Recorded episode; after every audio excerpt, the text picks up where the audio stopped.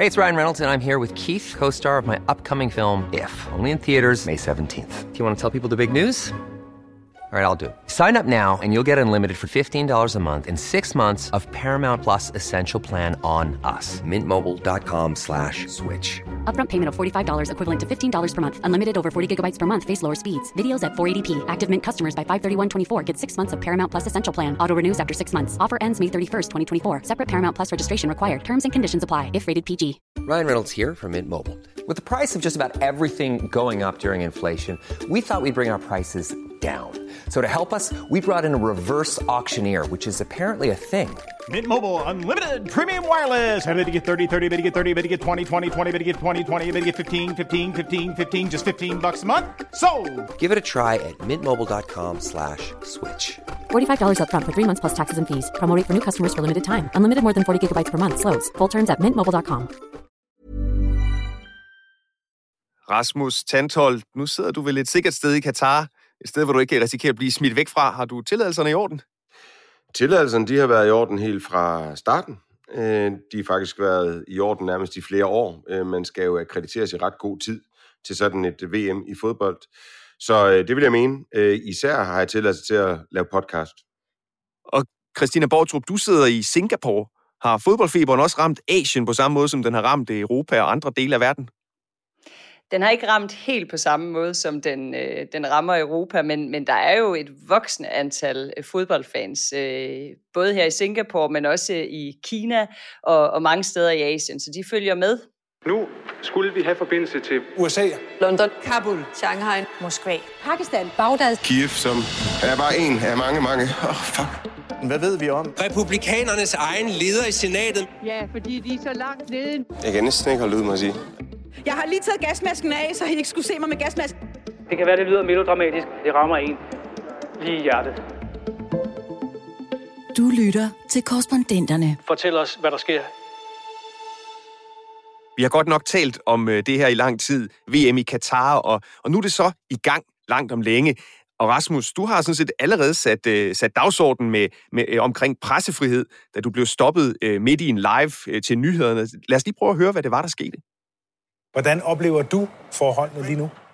Jamen, vi kan jo vise, hvordan forholdene er lige her, hvis vi drejer kameraet. Uh, we are live on Danish television, og uh, der kan I se, nu bliver, vi, øh, nu bliver vi stoppet med at filme, og det er forholdene her. Uh, mister, you invited the whole world to the, you, you invited the whole world to come here. Why can't we film? It's a public place. Only for the Qatar. Qatar, you have because rule. the Qatar is a No, no, no, we don't need permit. Yeah, no, no, but but but no, but listen, but listen, but broke listen, the camera. but you can break the camera. You want to break the camera? Okay, you break the camera. if you Okay, bring the camera, yes. So you're threatening us by by by by smashing the camera. Rasmus, du øh, rejser jo verden rundt for at fortælle historier om andre mennesker. Hvordan oplevede du det der med, at du pludselig selv var en del af historien? Jeg e-, synes egentlig ikke, det er mig, der har sat dagsordenen i øh, hele verden med det her klip. Det synes jeg, at Katarerne selv har gjort. Normalt så sender vi jo journalister ud i verden for at øh, kigge det beskidte vasketøj, de har nede i kælderen i de forskellige lande, og øh, rapportere om de ting, der foregår, og de ting, som måske ikke er øh, helt i orden. Det sætter vi fokus på, men det her det er jo ikke en afsløring, jeg har lavet. Det her det er en afsløring, som Katarne selv laver. Og det er jo derfor, at klippet det er gået viralt. Det er fordi, at det her det er så autentisk, som det kan blive. Det er direkte tv, der er ikke redigeret øh, i det. Og Katarne kommer selv ind og afslører, hvad det er for et øh, regime, det her det er. Øh, og øh, det er jo, tror jeg, endnu bedre dokumentation for forholdene i et land, end at vi kravler under et hegn ind til en migrantlejr og viser forholdene. Her der viser de det selv.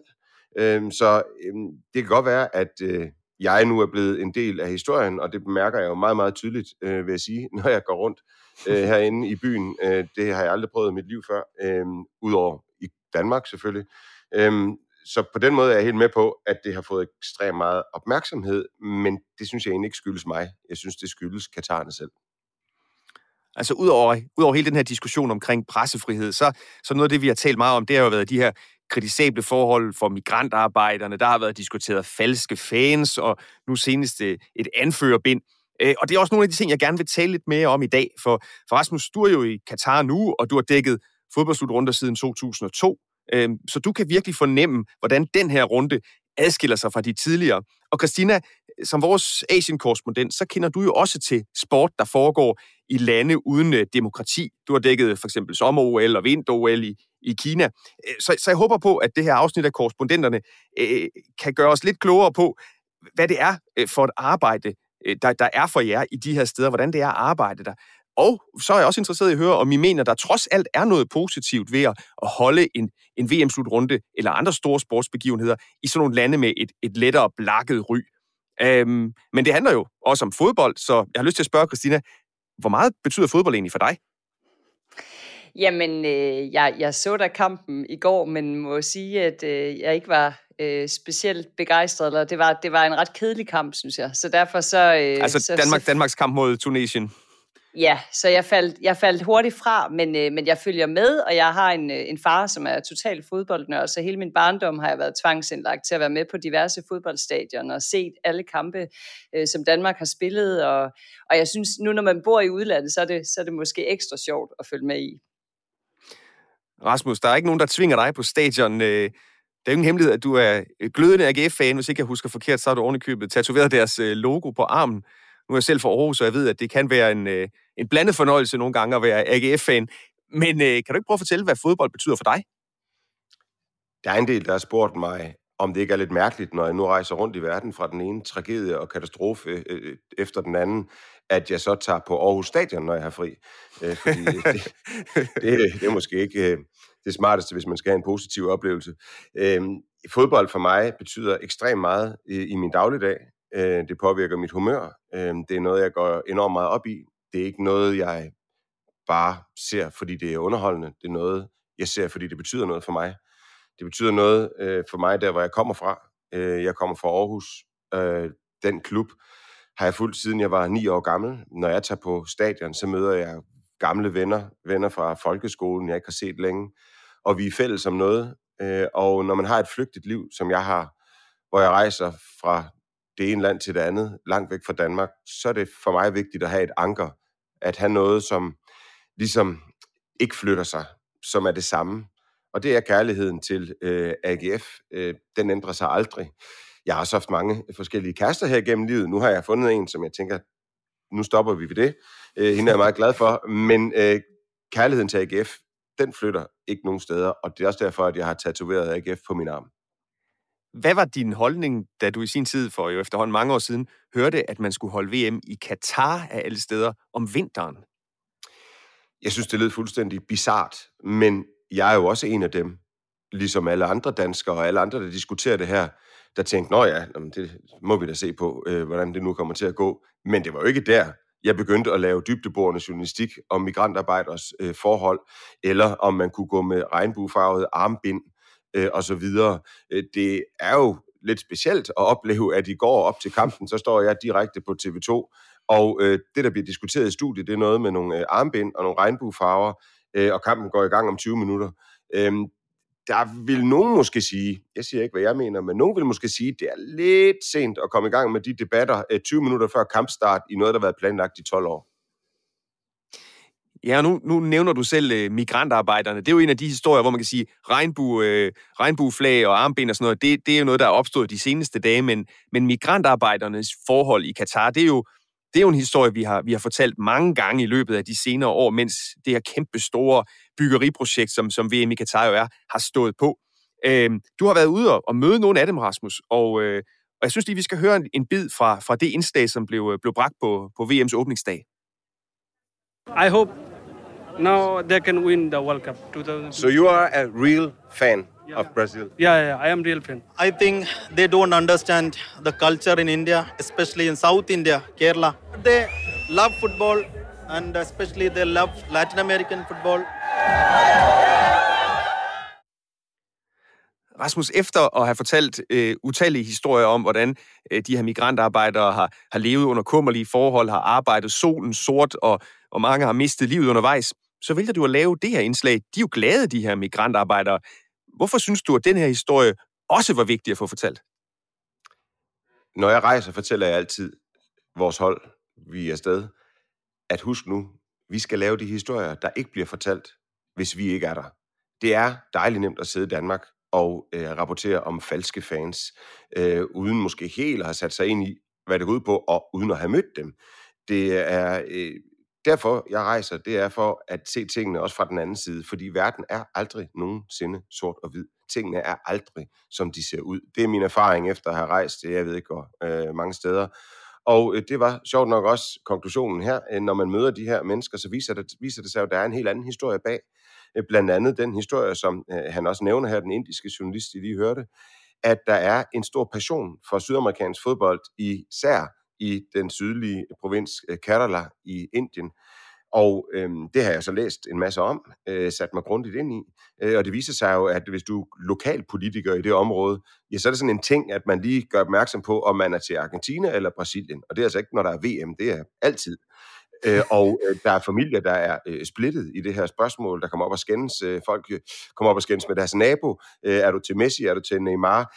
I Danmark, der har vi det sådan, at vi kan jo godt holde med Liverpool, selvom vi ikke er for Liverpool. Øh, men vi kan ikke holde med et andet land, hvis vi er fra Danmark. Det er fordi, vi har et fodboldhold med stolte traditioner. Det har de ikke i Indien og i Bangladesh og i Sri Lanka og i Nepal. Så de holder med andre landes fodboldhold. Det synes vi er lidt underligt, men det kan da godt være, at vi synes, det er underligt. Men vi har jo ikke patent på fodboldkultur. Øh, en fodboldkultur et andet sted, som måske er opstået på en lidt anden måde, den har lige så meget ret øh, som en dansk fodboldkultur med øh, druk og pis i hjørnerne og opkast i fortoget. Øh, det her, det er øh, en anden måde at fejre det på, det kan godt være, at de ikke har samba-rytmer øh, i de øh, sri lankanske øh, ben, øh, når de danser rundt. Men øh, det betyder ikke, at deres passion er mindre, og så kan vi godt sidde og fnise lidt af det i Danmark. Men da Infantino, FIFAs præsident, som Gud hjælp med sagde en masse vrøvl, han sagde i talen, at det faktisk er racistisk øh, at sidde i Danmark og pege fingre og grine af de her mennesker. Så siger jeg ikke nødvendigvis, at det er 100% rigtigt. Jeg siger bare, at det er måske heller ikke 100% forkert. Nu, øh, nu nævner du fodboldkultur, og den der historie fra, fra Indien, det var fuldstændig nyt for mig. Øh, og jeg nåede godt nok at læse mange steder om falske fans, inden de der nuancer kom på. For fodboldkultur er jo, kultur er jo forskelligt fra land til land. Jeg boede selv i Kina, ligesom du har, har gjort i, i lange perioder, Christina, for jeg boede derovre for 10 år siden eller sådan noget. Og der oplevede jeg ikke, at fodbold var sådan kæmpestort. Men øh, der er sket et skift, for de har investeret massivt i fodbold i Kina. Hvordan oplever du det? Ja, altså det er jo simpelthen et erklæret nationalt mål, at Kina skal øh, være Asiens bedste hold i 2030 og verdens bedste hold i 2050. Og det er jo deres fodboldglade øh, leder, Xi Jinping, som øh, proklamerede det i 2015. Og det var der, jeg sådan begyndte at interessere mig lidt for, hvad sker der egentlig i Kina på den her front? For jeg har jo aldrig nogensinde set en kinesisk barn med en fodbold. Jeg har aldrig set nogen øh, på gaden spille fodbold. men så skete der sådan gradvist i løbet af et par år, begyndte det at blive sat på skoleskemaet på kinesiske skoler. Der blev udsendt sådan nærmest dekreter om, at øh, hvor mange fodboldstadioner, der skulle bygges rundt omkring hele Kina, og, og det, det, det har jo gjort, at, øh, at flere er blevet eksponeret mod den her sport, men de har jo ikke klubkultur, altså øh, hvad hedder sådan noget med frivillige, som, som vi kender fra Danmark. Så det er jo sådan lidt øh, jeg vil, jeg vil sige, det er for den bedre stillede middelklasse, fordi øh, jeg kan huske øh, i Shanghai sidste år undersøgte jeg, hvad det kostede at, at sende øh, min datter på, øh, på sådan en fodboldakademi, og det er altså rigtig, rigtig dyrt. Øh, så, så det er jo ikke alle, der kan det, øh, men, men der er sket et skifte på den måde, at man, nu ser man faktisk folk, øh, eller børn spille fodbold rundt omkring i, i gadebilledet, og det er, jo, det er jo meget sjovt, og så ser man også, at fordi Kina er så vigtigt og stort et marked, og øh, fordi der er en voksende gruppe fodboldfans, så har vi jo allerede set de sidste 15 år, at øh, de vigtigste kampe i Europa, jamen de bliver øh, programsat på tidspunkter, hvor det passer med, at fans, øh, især i Kina, men også andre steder i Asien, kan, kan være vågne og, og følge med, fordi det simpelthen er så vigtigt i forhold til salg af merchandise, og, og jo også billetter. Nu, nu kan kineserne ikke rejse nogen som helst steder i år, så jeg tror ikke, du møder nogen kinesere øh, stort set i, i Katar, medmindre de bor der nu, Rasmus. Det gør jeg ikke, nej. Jeg har ikke mødt en eneste øh, kineser. Nu har de jo heller ikke et VM-fodboldhold, øh, så øh, det kan selvfølgelig også være en af grundene til, at de ikke rejser ned og, og ser det. Men øhm, jeg har lagt mærke til, både til det her VM, men jo også for eksempel i Premier League i England, at der er det jo kinesiske bandereklamer. Øh, mm. Og det viser jo bare, at øh, fodbold vokser i Kina, som du også siger, Christina, og at du har kinesiske bandereklamer til Premier League. De fortæller jo det hele. Altså, øh, det har man altså kun, hvis der virkelig er nogen kineser, der sidder og følger med, fordi jeg forstår ikke, hvad der står. en ting, som, som, som undrer mig, øh, det er jo det, man kan sige, Kina, det, det er jo et specielt land og et specielt system. Øh, det er jo ikke sådan noget med, at Mette Frederiksen kan gøre det til et erklæret mål, at Danmark skal vinde øh, en turnering om 15 år, og så, så rykker vi alle sammen, alle sammen i den retning. Og det, men det er jo det, Xi Jinping har gjort. Han har sagt, at det er simpelthen et national, en national ambition, at man skal være gode til fodbold. Er det, er det bare for folkesundhedens skyld, at han vil have børn til at spille fodbold? Eller, øh, du ved, for, hvorfor blander han sig overhovedet i det? Jamen, det er jo fordi fodbold kan noget helt specielt. Altså, fodbold kan jo samle nationer, og det skaber sådan en, ja, en følelse af samhørighed, sammenhold, og så øger det jo den nationale stolthed, hvis man vinder i hvert fald. Øhm, og øh, derfor så er det meget vigtigt, at øh, altså det, det kan være et meget nyttigt værktøj for sådan et regime som øh, det kinesiske kommunistparti, at hvis det lykkedes det her, fordi Kina har jo rigtig meget hård magt. Kina har øh, øh, er jo en øh, stor militærmagt nu, en, har masser af økonomisk magt, verdens næststørste økonomi, de er førende inden for nogle af de mest avancerede teknologier øh, osv., men når det gælder blød magt, så halter det jo ret kraftigt. Og, og hvis Kina kunne lykkes med at skabe et landshold, som rent faktisk kunne præstere noget, så ville det både øh, øge stoltheden og nationalfølelsen internt i Kina, men det vil også sandsynligvis give Kina mere af det, man kalder blød magt. Hvis vi prøver at vende lidt tilbage til, til nogle af de oplevelser, du har haft i Katar den sidste uges tid, Rasmus, så, som vi allerede har været inde på, så det der klip, hvor du bliver stoppet på, på direkte tv, øh, det har jo, øh, for at sige det mildt, påvirket din, øh, din, din seneste uge. Du har været på tv-stationer over hele verden. Øh, hvordan, hvordan har du oplevet øh, hele det her virak, der har været omkring det? Fordi, altså, som du også selv sagde, nogle gange, når, hvis vi to har været i byen sammen i København, så kommer der jo folk over og, og, og siger hej og, og snakker med dig og sådan noget, fordi de genkender dig. Øh, men lige pludselig så har du stået i et, i et vildt fremmed land og blevet genkendt. Kan du ikke fortælle om, om de oplevelser? Der gik noget tid, før det gik op for mig, øh, at øh, jeg åbenbart er en person, som folk nu kan øh, genkende. For det havde jeg jo ikke regnet med, da jeg stod i den her live, at det her klip ville gå så øh, viralt. Men vi sidder, øh, Anders Bak, fotograf og jeg, på en øh, restaurant, og øh, det er lige dagen efter. Og så er der en egyptisk mand, der bor i Katar, som henvender sig til mig, øh, og siger, prøv at høre, vi er simpelthen så ked af det her i Katar. Øh, han er jo migrant, rigtig glad for at bo i Katar. Ja, det lyder vildt, men det er der faktisk nogen, der er. Øh, og han siger bare på hele Katars vegne, vil jeg godt have lov til at beklage, jeg er virkelig ked af det, jeg så klippet øh, på øh, Twitter, eller hvor han havde set det, og han sidder sammen med sin øvrigt ukrainske kæreste, Øhm, øh, som siger det samme, øh, og jeg forklarer, så de spørger, om jeg er okay, og siger, jeg er fuldstændig okay, altså som jeg sagde til hende, jeg er lige kommet fra Ukraine, jeg tror, jeg har lidt større problemer, end øh, nogen, der tror med at smadre vores kamera. Øhm, nå, men vi skal så betale regningen, øh, Anders og jeg, og øh, beder om, øh, at tjeneren lige kommer over. Øh, og tjeneren siger, jamen regningen den er betalt. Så siger jeg, betalt? Hvem har betalt den? Jamen det har den familie, der sad over ved det bord derovre. Så sagde jeg, altså dem, der sad derovre, vi kunne se, der sad en familie med nogle børn. Ja, men hvorfor betalte de den? Jamen fordi de var simpelthen så kede af den oplevelse, øh, du har haft. Øh, der er din fotograf. Så øh, jeg tænkte, okay, øh, hvad er det, der foregår her? Øh, og så begyndte øh, jo også internationale medier at ringe. Øh, altså, ja, det, jeg har jo været, altså i dag kan jeg fortælle, at jeg skal på tjekkisk tv og New Zealands tv, og, og ellers så øh, er det bare fortsat derudad med alverdens tv-stationer, især rigtig mange indiske tv-stationer har jeg været på. Jeg tænker, der er, med al respekt for TV2, lidt flere seere, øh, end, end der er øh, på TV2 News. Øh, så det har selvfølgelig været en sjov oplevelse, øh, men også sådan lidt... Øh, hold da op, øh, skal jeg nu være en del af historien? Øh, og når jeg går ned igennem gaderne her i Katar, ja, så kommer folk, og det er fra hele verden. Øh, altså det er ikke nogen sådan fra et bestemt land, det er fra hele verden, der kommer over og vil have selfies. Og i går var det en brasilianer og en iraner og en fra Saudi-Arabien og en, en fra Ghana, øh, og sådan kunne jeg blive ved. Altså det er, det er, det, det er vildt at opleve, må jeg sige. Øh, det er simpelthen eksploderet op i hovedet på mig. Altså, det er jo ikke første gang, du er blevet stoppet i en live. Du har jo virkelig rejst i, øh, i mange lande, hvor de ikke sådan knus elsker journalister, for at sige det mildt. Så det er jo langt fra første gang, du prøver, at nogen forhindrer dig i at, at udføre dit arbejde. Hvorfor tror du lige præcis, den her live, den er gået så meget amok? Fordi det er sket præcis på det tidspunkt, hvor øh, vi diskuterer, er Katar det rigtige sted at have VM? Og det her er jo et symbol på øh, hele den diskussion. Altså, det handler jo om pressefrihed. Øhm, øh, og det handler om, som jeg også sagde tidligere, at de afslører sig selv direkte. Altså, det er ikke pakket ind. Det er ikke noget, der er redigeret. Det er ikke en journalist, som sidder med et eller andet dokument, eller er kravlet ind under et hegn til en migrant øhm, øh, arbejdslejr, øh, eller hvad vi skal kalde det. Det er katarerne selv, der viser deres ansigt lige op i hovedet på øh, tv-seere. Øh, nu bliver det så øh, fra hele verden. Øh, og jeg tror, det er ægtheden af det, autenticiteten af klippet, fordi det er direkte. Øh, det tror, det er det, der gør det. Øh, og fordi det kommer på det tidspunkt, hvor det rammer lige ind i en debat, øh, som jo var i gang på det tidspunkt. Ja, og nu, nu nævner du jo pressefrihed, Rasmus, øh, fordi det er jo også noget af det, som, som påvirker dit arbejde, må man sige, Christina. Øh, mm. I Kina, som journalist i Kina, hvor meget skal du spørge om lov, før du egentlig må passe dit arbejde?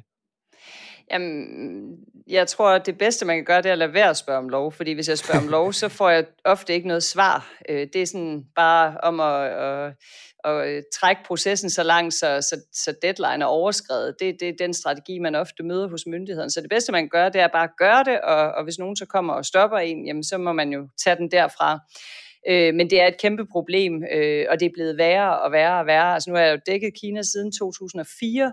I de frie år, kan man sige, op til øh, det første OL i 2008, der var, det, der var sådan en gryende fornemmelse af, at folk turer lidt mere. Folk øh, øh, kritiserede øh, de lokale myndigheder. Der var mange protester på det tidspunkt over arbejdsforhold, over forurening og øh, sådan meget aktive græsrødder, sådan nogle lokale nogen, der sådan fri, tog og øh, prøver fra lokale floder og afleverede dem hos myndighederne og krævede, at man undersøgte, hvorfor deres flod var helt mørkerød, og hvorfor de alle sammen havde leverkræft i, i den her lille landsby. Og, og det var nogle utrolig modige mennesker. Det var sådan en, en virkelig spændende periode, og, og der lå lidt i luften, at, at det nok var fordi, at altså, nu havde Kina jo fået OL, og de havde lavet nogle løfter, og, og man fornemmede ligesom en form for åbning.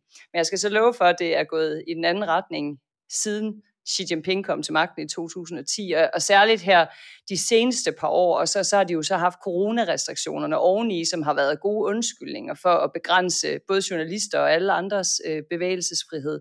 Så det er, blevet, det er blevet vanvittigt svært, og det er næsten ligegyldigt, hvilken historie jeg skal lave, så er det, uh, det, er, det er et følsomt emne, siger dem, jeg prøver på at interviewe, så Øhm, og der er det jo lidt udfordrende, når man har et kamera med, fordi det er lidt lettere bare at skrive ned på en blog, og så bruge deres engelske navn for eksempel. Det, det er ofte den måde, folk tør stille op, men når man skal have deres ansigt på kamera, så kan det godt være, at vi tænker, jamen vi er en dansk tv-station, og det er langt væk fra, fra Kina, og er der nogen, der overhovedet opdager det, når vi ikke er BBC og CNN. Men, men det kan der nemt være, fordi der er også øh, en kinesisk ambassade i, øh, i Danmark, og de holder øje med, øh, hvad der bliver lavet. Og der, der kan de mennesker, der stiller op, jo, jo risikere at blive udsat for, for repressalier, øh, og det der er værre.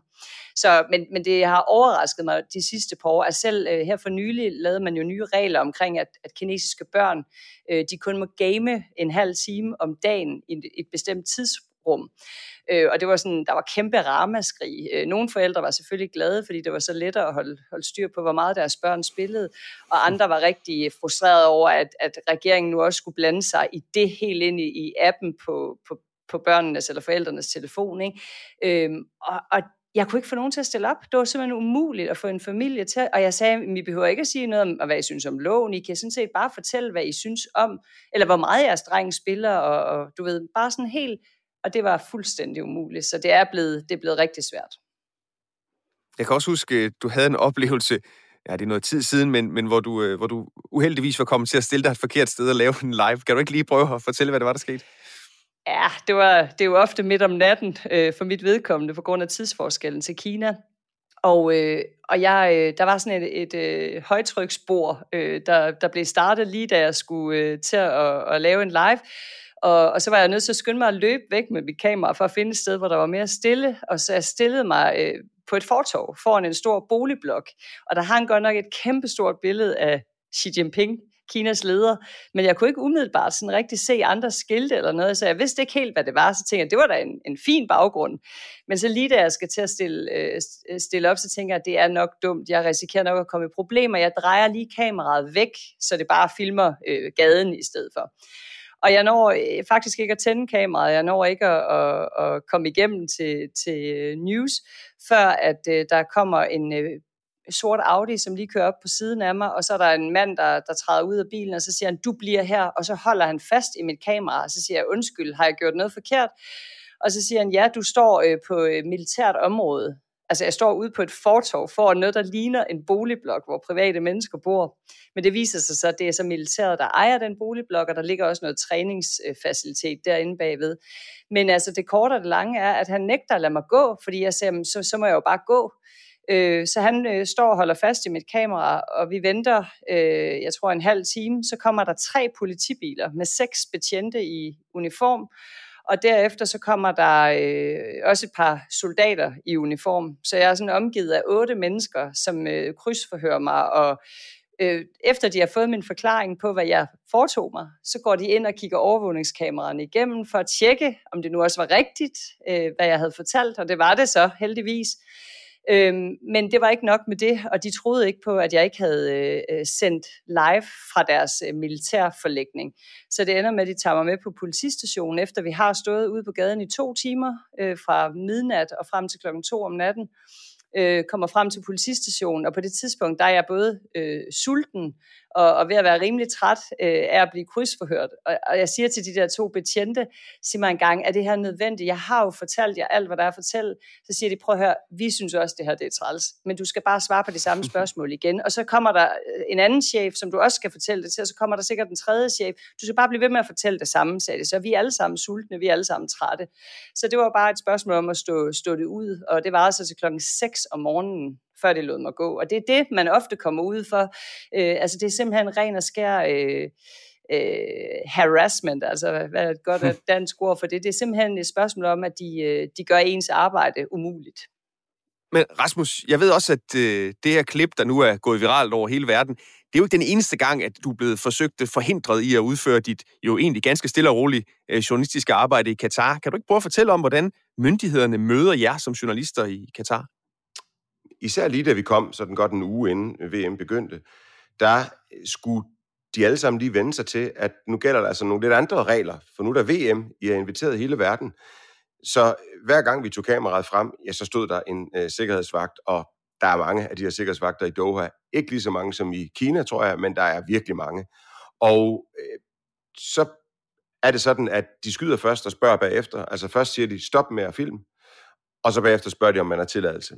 Og øh, vi viser for så vores tilladelse, og den tror de ikke på, fordi sådan en har de aldrig set før. Det er en FIFA-akkreditering med en upgrade endda, øh, som vi har fået, som gør, at vi kan filme over det hele. Men problemet er, at den besked om, at den virker, den er ikke nået ud til alle de her sikkerhedsvagter. Og derfor er det jo også misforståelser, når de ligesom stopper os, kan du sige. Men det viser selvfølgelig noget om, hvordan de er opdraget, hvad de er trænet til. Det er sådan, proceduren normalt er. Altså, hvis jeg normalt skal til Katar, og der ikke lige er VM, så skal jeg jo søge, jeg ved ikke, flere uger, flere måneder i forvejen for at få en tilladelse. De skal vide, hvad vi skal filme, og hvad det skal handle om, og så videre. Og sådan bliver det sikkert også, når VM er forbi. Men nu er der det her vindue, hvor der er nogle andre regler, og det er bare ikke noget ud til øh, alle de her sikkerhedsfolk. Nu, når vi bliver stoppet, så er det lidt anderledes, fordi øh, når sikkerhedsvagten kommer over øh, og siger, hvad, I må ikke filme her, så siger oh, det må, I må, det, det må vi gerne jamen har I tilladelse til det? Ja, det har jeg. Ej, det må I simpelthen ikke. Så øh, er det, jeg siger, prøv at jeg ved ikke, om du har set det der klip der, der øh, er på, øh, på nettet. øhm, og, øh, og så siger de... Ved du ikke, hvem jeg er? Så siger de, er, er, er, var det dig, der var med det? Ja, det var det. Jeg tænker, vi skal ikke igennem det en gang til, skal vi det? øh, og det, og det, det plejer at virke, så trækker de sig lige så langsomt øh, tilbage, og så får vi lov til at filme, fordi de, de, de orker ikke rigtigt, at det er dem nu, der skal gå viralt i et klip live. Så, øh, så, så de er lidt bange for mig. Det er det, jeg skal gøre i Kina næste gang, jeg bliver stoppet, mens jeg står og taler Præcis. live. Præcis. Det er, det er mildest talt et anderledes øh, VM og en anderledes øh, sportsbegivenhed, end, end dem, du har dækket før, Rasmus. Øh, til EM sidste år for eksempel, øh, var du i Amsterdam, og lad os lige prøve at høre, hvordan øh, det lød, når man dækkede øh, EM i fodbold fra Amsterdam. Og det er altså Ja, nu begynder de at råbe mit navn, og det er selvfølgelig ikke det, det skal handle om. Men det er meget hyggeligt, er det. Men ja, hvad skal man sige? Jeg bliver, jeg bliver helt rørt, og det siger jeg altså samtidig med, at jeg nu har fået stukket en øh, fadøl i hånden, og det er øh, lidt for tidligt, så jeg tror, jeg, jeg giver den videre til andre. Og nu bliver der sunget, om jeg kan drikke øl. Det kan jeg godt. Nu gør jeg det for første gang i mit liv på tv. Okay, skål. Skål, og øh, held og lykke i aften, Rasmus. Men, men Rasmus, nu øh, som redaktionschef på Udlandsredaktion, så opfordrer jeg jo ikke lige frem folk til at, til at drikke i arbejdstiden. Men, men det her klip endte jo også med at gå viralt, og, og, øh, og du fortalte mig engang, at, at det var først efter det klip, at det gik op for din søns venner, hvad du egentlig lavede, fordi de nok så lidt for lidt øh, TV2 øh, og lidt for meget øh, TikTok, eller hvad de unge mennesker nu er på nu om dagen. Øhm, men, men det her klip, det var jo en af grundene til, at du og jeg jo af flere omgange diskuterede, inden du tog afsted, øhm, om man overhovedet kunne sende en krigskorrespondent ned for at dække en, en VM-slutrunde, fordi de andre gange, der har du jo gjort det som en, som en del af folkefesten, fordi du elsker fodbold, fordi du, du er god til at, at snakke med mennesker og, få, og fortælle sjove historier og fede historier fra, fra en begivenhed, som, som rigtig mange danskere interesserer sig for. Men den her gang, der var vi anderledes bekymrede for, hvad, hvad din rolle skulle være, blandt andet på grund af sådan noget som det her fadelsklip. Øhm, kan du ikke fortælle lidt om de overvejelser, du gjorde dig, og, og hvordan de overvejelser har påvirket den måde, du så har gået til den her slutrunde på, Øh, sammenlignet med, med nogle af de andre slutrunder, du har dækket? Øh, uanset hvilken slutrunde vi dækker, så sætter vi et øh, kritisk lys på det land, der er vært. Altså i Rusland lavede vi et hav af kritiske historier. Det gjorde vi også i øh, Brasilien øh, om favela og kriminalitet. Vi gjorde det også i Sydafrika, og sådan kunne jeg blive ved. Det er jo en del af det, at invitere hele verden. Så kigger vi sådan øh, lidt på det land, som vi nu besøger, og fortæller selvfølgelig også positive historier, øh, ikke bare negative historier. Og det er sådan set bare min samme tilgang, jeg havde i forhold til øh, Katar. Jeg har ikke tænkt mig her at være hverken mere eller mindre kritisk, end jeg plejer. Det kan jeg ikke se nogen grund til. Men når det så er sagt, så er det klart, at med den stemning, der er omkring det her VM, så er det ikke sikkert, at øh, jeg ligesom skal stå med øh, danske fans, hvis der var så mange, øh, mens de råber katantol, katantol, katantol, drikke øl, og så lige bunde en øh, fadbamse. Men, men det er klart, øh, den glæde, jeg udtrykker der, den eufori, den løslukkenhed, som øh, alle ligesom viser i det øh, klip, den er der ikke hernede. Øh, og den skal jeg heller ikke være bannerfører for. Øh, så jeg er nødt til at forholde mig mere neutralt, når jeg er hernede, fordi altså, når man dækker det danske landshold, og nu er det jo ikke sportsdelen, jeg dækker, men det er jo et af de eneste tidspunkter, hvor at jeg ikke som journalist behøver at være tilstræbt objektiv. Jeg må gerne sige, at jeg holder med Danmark, fordi sådan er det, når det er fodbold. Og det må jeg også gerne sige i Katar. Men det er ikke sikkert, at jeg kan vise det på samme måde, fordi, som I ved, det er en kæmpe debat derhjemme. Skal vi boykotte det? Skal vi ikke boykotte det? Og så videre. Og det skal jeg ikke stå midt i og tage stilling til som journalist, fordi jeg, skal, jeg er øh, tilstræbt øh, objektiv i så meget, jeg overhovedet kan. De danske fans, øh, du møder i Katar, de, de tilbød dig næppe en fadøl på gaden, ligesom de kunne i, i Holland, men, men hvad, øh, hvordan beskriver de den oplevelse, de har med at være til VM? Som meget speciel. I skal forestille jer, at øldrikning, det foregår jo øh, på femstjernede hoteller. Og øh, nu ved jeg ikke, altså, hvor mange gange I har boet på femstjernede hoteller. Jeg har da gjort det en hel del gange. Det er jo ikke der, hvor jeg løber skrigende og råbende rundt øh, og, øh, og, øh, og synger øh, fa- øh, fodboldsange. Altså, det, det, det, det virker lidt upassende. Øhm, og det er jo den stemning, der er på et femstjernet hotel, hvor de sælger øl i øh, Katar. Så er der nogle fanzoner, øh, som man kan tage ned i, men som et eksempel, da Danmark spillede mod Tunesien. Ja, kampen den begynder kl. 16 lokal tid. Der er øludskænkning fra kl. 19 i fanzonerne. Så man kan godt gå derind og stå i virkelig, virkelig banehede og kigge lidt øh, på øh, noget musik. Men der sker måske ikke så meget andet, og man kan ikke få slukket tørsten i sin favoritdrik, hvis man er rolig gerne, nemlig øl. Så det er bare meget anderledes. Og i går skulle vi øh, finde, da Danmark spillede mod Tunesien, en øh, fest et eller andet sted. Det kan ikke lade sig gøre. Altså, vi kan jo ikke filme ind på femstjerne hoteller. Det får vi ikke tilladelse til. Så der er ikke noget sted, hvor der er masser af danske roligans samlet, som står og råber og hygger sig og synger med på øh, Vi er røde, vi er hvide. Det findes simpelthen ikke, øh, kun i meget, meget små øh, grupper. Og det er selvfølgelig helt anderledes end for eksempel Rusland, hvor vi jo var ude til roliganfester med hundredvis af mennesker øh, i et gigantisk festrus det ser man ikke hernede. Hvad så, hvad så med de lokale Katar? Har, har de så i det mindste en fest? Overhovedet ikke. Altså, jeg var overrasket over, må jeg sige, øh, Katarernes reaktion, da de selv spillede. Altså, vi sad nede i den lokale Souk Wakif, som også er en turistattraktion, og vi øh, sad og så kampen, åbningskampen mellem øh, Katar og Ecuador øh, på vores iPad, og øh, vi undrede os over, at der ikke er sådan hængt øh, fjernsyn op nogen steder. Altså for eksempel i Brasilien og Rusland, at på hver en restaurant var der jo en tv-skærm, så man kunne sidde og se fodbold, mens man spiste. Det er der ikke noget af. Der er ingen lille storskærm ude på det lokale torv og så videre. Og ikke nok med det, da vi sad og så kampen på iPad, så var der masser af Katar med Katar-flag og alt muligt andet udsmykning, som virkede som om de var fodboldfans og interesserede. De gik bare forbi, de interesserede sig ikke rigtigt for kampen. Og det bekræftede mig ligesom i, at for Katarerne, og jeg skal jo ikke generalisere, der er helt sikkert også nogen, der øh, går vildt op i fodbold, der er det her mere en begivenhed ala cirkus kommer forbi, og nu er der også, der er værter, end det er interessen for fodbold, der ligesom har skabt øh, øh, al den, øh, kan man sige, øh, kraft, de har lagt ind i at få VM her, her til Katar. Det er ikke interessen for spillet, det er interessen for begivenheden. Og øh, det var også meget tydeligt til åbningskampen, hvor jeg, må jeg bare sige, aldrig har set noget lignende. Altså, i 12 ja. år har man bygget op til den her fest, og så forlader tilskuerne kampen i pausen Altså, så er der halvfyldt til en åbningskamp. Altså, det er jo helt afsindigt. Forestil jer i København i parken, at halvdelen af tilskuerne, de bare gik, fordi de tænkte, nu er Danmark bagud, jamen, så bakker vi altså ikke op om vores hold. Sikkert er en lortefest. Øh, ah, altså, lad os nu lige... Øh, det, det, er lidt hurtigt at give op, vil jeg sige, altså, hvis man tager øh, til fest, så tænker jeg, at hvis de spiller øh, de første par numre, de ikke er så gode, så behøver det ikke at betyde, at man slet ikke gider danse resten af aftenen. hvis, når du nu, altså, der er jo relativt begrænset øh, roligans til stede i Katar. Dels sikkert, fordi det er sindssygt dyrt, øh, og det ligger, og, det, og du ved, det har været svært at, at komme til et hotelværelse, der var til at betale for, for penge. Øh, men der er jo, kommer jo fans fra, fra andre lande, og, og, øh, og, og, og de har jo ikke på samme måde øh, måske øh, bekymrer sig omkring alle de her ting, vi, vi har snakket om, altså migrantarbejdernes vilkår osv. Når du snakker med fans, som ikke kommer sådan fra det privilegerede Skandinavien, Øh, hvor meget fylder det så for dem? Det, der er interessant at se, det er jo, at de fans, der fylder suverænt mere, det er jo migranter. Øhm, vi kan så diskutere egentlig, om vi skal kalde dem migranter, fordi der er også danskere, der arbejder her, men den synes jeg ikke rigtigt, vi kalder migranter. Men anyway, øh, lad os kalde dem migranter.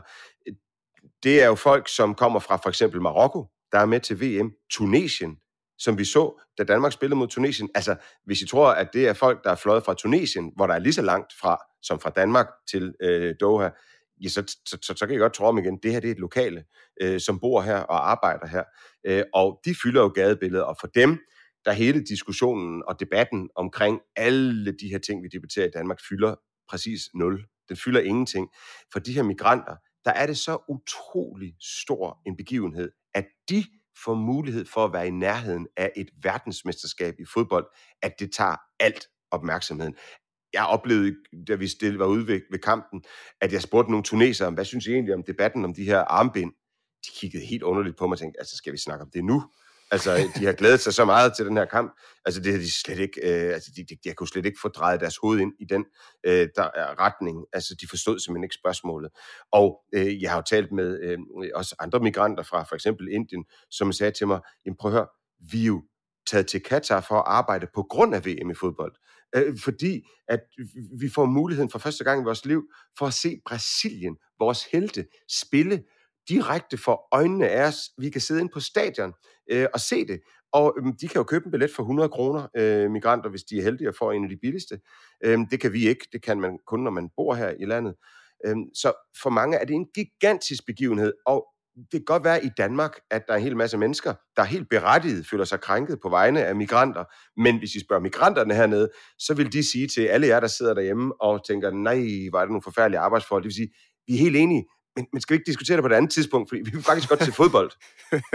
ja, der vil jeg altså også godt lige komme med et øh, lille indspark, fordi når man har øh, været i Kina igennem mange år og besøgt mange af de her fabrikker øh, med sådan nogle øh, boligområder, hvor øh, migrantarbejdere, det er jo så interne migrantarbejdere fra øh, de fattigste provinser i Kina, som så kommer ud til kysten eller ned til Sydkina og arbejder. Øh, hvordan de bor og lever, det er jo fuldstændig øh, samme boligforhold som dem, vi ser i Katar, og, og, skal vi bare lige kigge øh, i nakken af vores tøj, eller se, hvor vores iPhone og vores øh, computer osv. er produceret, ikke? Og, og det taler vi ikke så meget om, og det, det er bare derfor, det bliver en lille smule øh, øh, det bliver sådan lidt... Øh, sig det bare, sig det bare, Christina, sig det bare. Jamen, jeg synes, det er sådan lidt øh, patetisk, at man, at man simpelthen boykotter Katar ved ikke at vil se det i sit fjernsyn hjemme i sin egen stue, fordi det gør bare en helt vildt stor forskel. Der er jeg nødt til at sige, at med det, jeg har set igennem årene i Kina, det eneste, der gør en forskel, det er, øh, hvad du gør med din pengepunkt. Så hvis forbrugerne siger, at vi vil ikke købe iPhone, fordi de er produceret øh, under nogle dårlige forhold øh, på fabrikker i Kina, hvor der i øvrigt lige øh, i dag øh, er protester på en, en fabrik med, med 200.000 ansatte, fordi øh, herunder øh, coronarestriktionerne, der har de simpelthen været indespærret på fuldstændig urimelig vis, og har ikke kunne få mad nok, og jamen, har været fuldstændig begrænset i deres frihed, har ikke fået det i overtidsbetalinger, de er blevet lovet osv., og, og, øh, og det er jo bare, øh, hvis, hvis du gør en forskel, jamen, så, så skal du lade være at købe de produkter, der er produceret på den måde. Om du sidder og ser det hjemme i dit eget fjernsyn, jeg ved ikke, hvor meget forskel det gør, for at være helt ærlig. Nej, og, og altså, jeg tør godt sige øh, det ord, som du ikke tog i dit mund, øh, Christina, øh, hyggeleri. Øh, ja. Er det, er, det, er det sådan, resten af verden ser på os? Vil kineserne se, ser de sådan på os, hvis vi, øh, hvis vi slukker vores fjernsyn øh, og ikke vil se et VM i fodbold? Jamen, de er bare... Øh, altså, der er selvfølgelig øh, folk i Shanghai, som jeg taler med, som læser New York Times, øh, ligesom jeg gør, som læser en stor artikel om øh, de her tusindvis af, af migrantarbejdere fra Nepal, der kom hjem i en kiste fra Katar og så videre. Og det kan vi så tale om. Og så er der millioner af kinesere, som overhovedet ikke øh, tænker på de her ting. De, de tænker nemlig, ligesom Rasmus siger, wow, der er en mulighed her, der sker noget i Katar, der skal bygges en masse stadion, der er noget arbejde, og der er en spændende begivenhed, man kan være med til. Og for Kina, det der virkelig fylder øh, på sociale medier, og det som man taler om øh, nu, øh, dem som, som ikke måske nødvendigvis interesserer sig for fodbold, jamen de er, de er stolte over, at det, Kina, øh, kinesiske brands er simpelthen de største sponsorer, som, øh, som I også har lagt mærke til dernede. Øh, altså Mengniu, som er sådan Kinas svar på Arla, kæmpe mejerigigant. Øh, Heisen, som producerer tv, øh, altså al mulig elektronik. Og de har jo øh, globale ambitioner, men det er klart, at de, de, de fylder meget, fordi de gerne vil gøre sig lækre over for kinesiske øh, forbrugere, det er klart. Men jeg synes også, det er interessant, at der er rigtig mange statsejede kinesiske virksomheder, som har været med til at bygge de her stadion dernede. De der busser, som du sikkert kører rundt i øh, nogle gange, øh, Rasmus, som er sådan nogle shuttlebuses øh, ud til forskellige venues, det skulle være øh, elbusser fra Yutong øh, i Kina. Og det er jo sådan nogle historier, de booster ud på alle... Øh, øh, statsmedier i Kina, fordi det er jo sådan noget, der gør folk stolte over, at, at, det, altså, at den anden diskussion, jamen den er der bare ikke. En af grundene til, at man jo også placerer de her store sportsbegivenheder rundt omkring i, i forskellige lande i verden, det er jo også fordi, man håber, at man igennem sporten kan være med til at åbne nogle døre, øh, altså at, at lande som Sydafrika for eksempel kan få lov til at vise, at, øh, at de er altså kommet et godt stykke vej siden apartheid. Øh, hele verdens øjne retter sig pludselig mod det her land, som så forhåbentlig også får en masse gavn af det. Katar har fået fodboldstadioner, som de måske ikke skal bruge til så meget, men de har også fået en metro. Øh, de har fået en masse hoteller, som måske kan, kan gavne landet down the road, også når VM er forbi. Øh, det var jo også det, man, man sagde i forbindelse med, med både sommer og vinter og OL i, i, i Kina, Christina, at, at, øh, at det her, det var, Kina åbnede sig op for og inviterede hele verden indenfor. Oplevede du så, at Kina er blevet et bedre land, hvis man sådan kigger på det i vestlig forstand, af at have sådan nogle store sportsbegivenheder?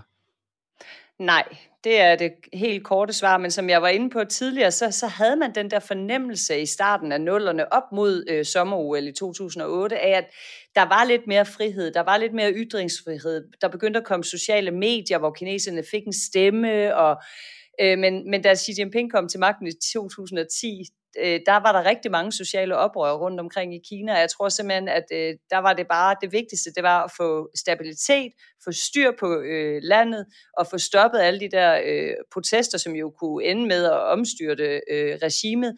Så vi har egentlig bare set, at øh, civilsamfundet er blevet øh, mere og mere øh, kontrolleret. Øh, der er mindre ytringsfrihed. Det er blevet meget sværere at være journalist i Kina, end det var tidligere. Øh, selv øh, græsrodsorganisationer, som arbejder for at forbedre øh, miljøet og arbejder med sådan grønne dagsordner, de kan dårligt nok åbne en bankkonto, fordi der er lavet nye regler for at begrænse dem i deres øh, færden. Så man kan sige, øh, og herop mod øh, vinter-OL, der, har, øh, der tror jeg ikke engang, Kina stort set har øh, ulejlighed sig med at gøre øh, løfter omkring, øh, at man ville gøre arbejdsvilkårene lettere for journalister. Mig bekendt har de ikke øh, lovet, øh, gjort nogen løfter af den, øh, i den øh, stil. Øh, og det har de heller ikke gjort. Øh, og ikke desto mindre, så har de igen øh, bygget en masse øh, stadioner, og de har genbrugt nogle af de gamle fra, fra 2008, som de har lavet om. Så har de udviklet øh, skisportsområder øh, sådan ret tæt på Beijing og lavet nye højhastighedsruter, således at man nu, hvis man bor i Beijing eller nogle af de øh, forsteder omkring, kan tage et højhastighedstog, og så på 45 minutter står du ude i et skisportsområde. Og det er jo sådan noget, som almindelige kinesere, i hvert fald dem, der har råd til den slags, sætter stor pris på, så, så de, har, de har jo fået noget ud af det. Jeg tror, man, man er mere tilfreds med den måde, øh, den kinesiske regering har, har gjort det, end, end jeg oplever det, eller det, som jeg hører fra Katar, hvor, hvor det er sådan lidt, hvad skal man med alle de stadion bagefter? Der virker det, som om kineserne trods alt øh, har tænkt på, at det skal give skab værdi for befolkningen. Og det, det gør det jo, når man fremavler en hel... Altså Kina havde jo ingen skisportstradition øh, eller vintersportstradition, og det har man jo igen sat på skoleskemaet. Man har åbnet indendørs skiscentre, man har øh, udviklet hele skisportsområder, nye togforbindelser osv., så, så det hele har fået et kæmpe boost, og det er jo blevet en ny milliardindustri, der beskæftiger sindssygt mange mennesker. Og jeg har selv været ude og, og stå på ski med, med kineserne der op til vinter eller tale med dem om, øh, om det, og de var meget begejstrede, fordi det er en mulighed, de ikke tidligere har haft i Kina. Så altså ikke sådan, hvis vi skal opsummere, ikke sådan de store forhåbninger til, at øh, Katar om 10-20 år er et, øh, et demokrati, hvor de er glade for regnbueflag og øh, journalister. Øhm, og jo også, synes jeg, en, en, øh, en interessant pointe fra, fra dig, Rasmus, at, at, øh, og fra dig for den sags skyld, Christina, at den her kritik af, af menneskerettigheder, pressefrihed, manglende pressefrihed, migranternes forhold og sådan noget, det er måske nok en hobby, som, som øh, primært bliver dyrket i de lande, der har penge til det, hvor resten af verden, de, øh, de nyder mere til fodbold. Øhm, jeg tænker, nu det handler om fodbold, så tænker jeg lige, vi runder af med at drille dig en lille smule, øh, Christina Bortrup. Øh, for jeg har, et, øh, jeg har et klip, som øh, er fra 2017, hvor du kommer med din forudsigelse om øh, fremtiden for kinesisk fodbold. Det kan jeg simpelthen ikke dybe mig for, at vi lige skal spille. Du er drøn sikker på, at de godt kan, kan nå deres mål. Hvorfor er du så sikker på det? Det er rigtig, rigtig farligt at undervurdere kineserne, også selvom de faktisk ikke har en fodboldkultur. Men det er ret overbevist om, at de får. Og jeg vil ikke blive overrasket over, hvis det også lykkedes dem at øh, vinde VM i fodbold, fordi de har pengene og viljen til at føre de her strategiske ambitioner ud i livet. Og så må vi se, om du får ret, Christina Borsrup. Tak skal du have. Christina, er du, øh, er du stadig lige så skråsikker på det i dag? De er jo ikke engang med til VM, Kina. Ej, og de ligger og skraber øh, nede som nummer 79 eller 80 eller sådan noget på, på verdensranglisten, øh, så det, det går ikke særlig godt, og kinesisk fodbold har jo efter en, en periode med mange investeringer, og øh, ja, hvor de har jo købt nogle af de dyreste spillere i verden, og, og klubber, der bare væltede sig i penge, så man bare kunne bygge de vildeste faciliteter, og ja, de bedste spillere, man nu kunne øh, lokke til Kina og så videre øh, så, så er det gået lidt galt her under øh, pandemien. Så der har simpelthen ikke været spillet kampe i lange perioder. Spillerne har ikke fået deres penge. Og så jeg vil sige, vi ser lige nu et dyk, men jeg vil stadigvæk sige, jeg har mange gange været skeptisk i forhold til, kunne Kina blive verdensførende inden for ditten eller datten, og de har altså for vane at nå deres mål, og der er lang tid til 2050. Rasmus Sandhold, jeg kunne høre, det ringer på din hoteldør. Jeg tænker, at du øh, skal ned og være gæst i, på endnu en international tv-station, eller måske vores egen. Øh, tak fordi I var med, Christina Bortrup og øh, Rasmus Sandhold, for, og tak fordi I ville tale med mig i dag. Programmets redaktør var Joachim Saxtorp Poulsen. Mit navn er Peter Etrup, og vi høres ved i korrespondenterne igen i næste uge.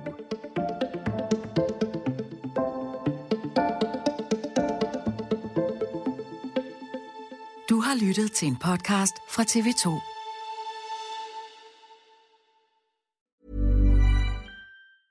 Hey, it's Danny Pellegrino from Everything Iconic. Ready to upgrade your style game without blowing your budget? Check out Quince. They've got all the good stuff shirts and polos, activewear, and fine leather goods, all at 50 to 80% less than other high end brands. And the best part? They're all about safe, ethical, and responsible manufacturing. Get that luxury vibe without the luxury price tag. Hit up quince.com slash upgrade for free shipping and 365 day returns on your next order. That's quince.com slash upgrade.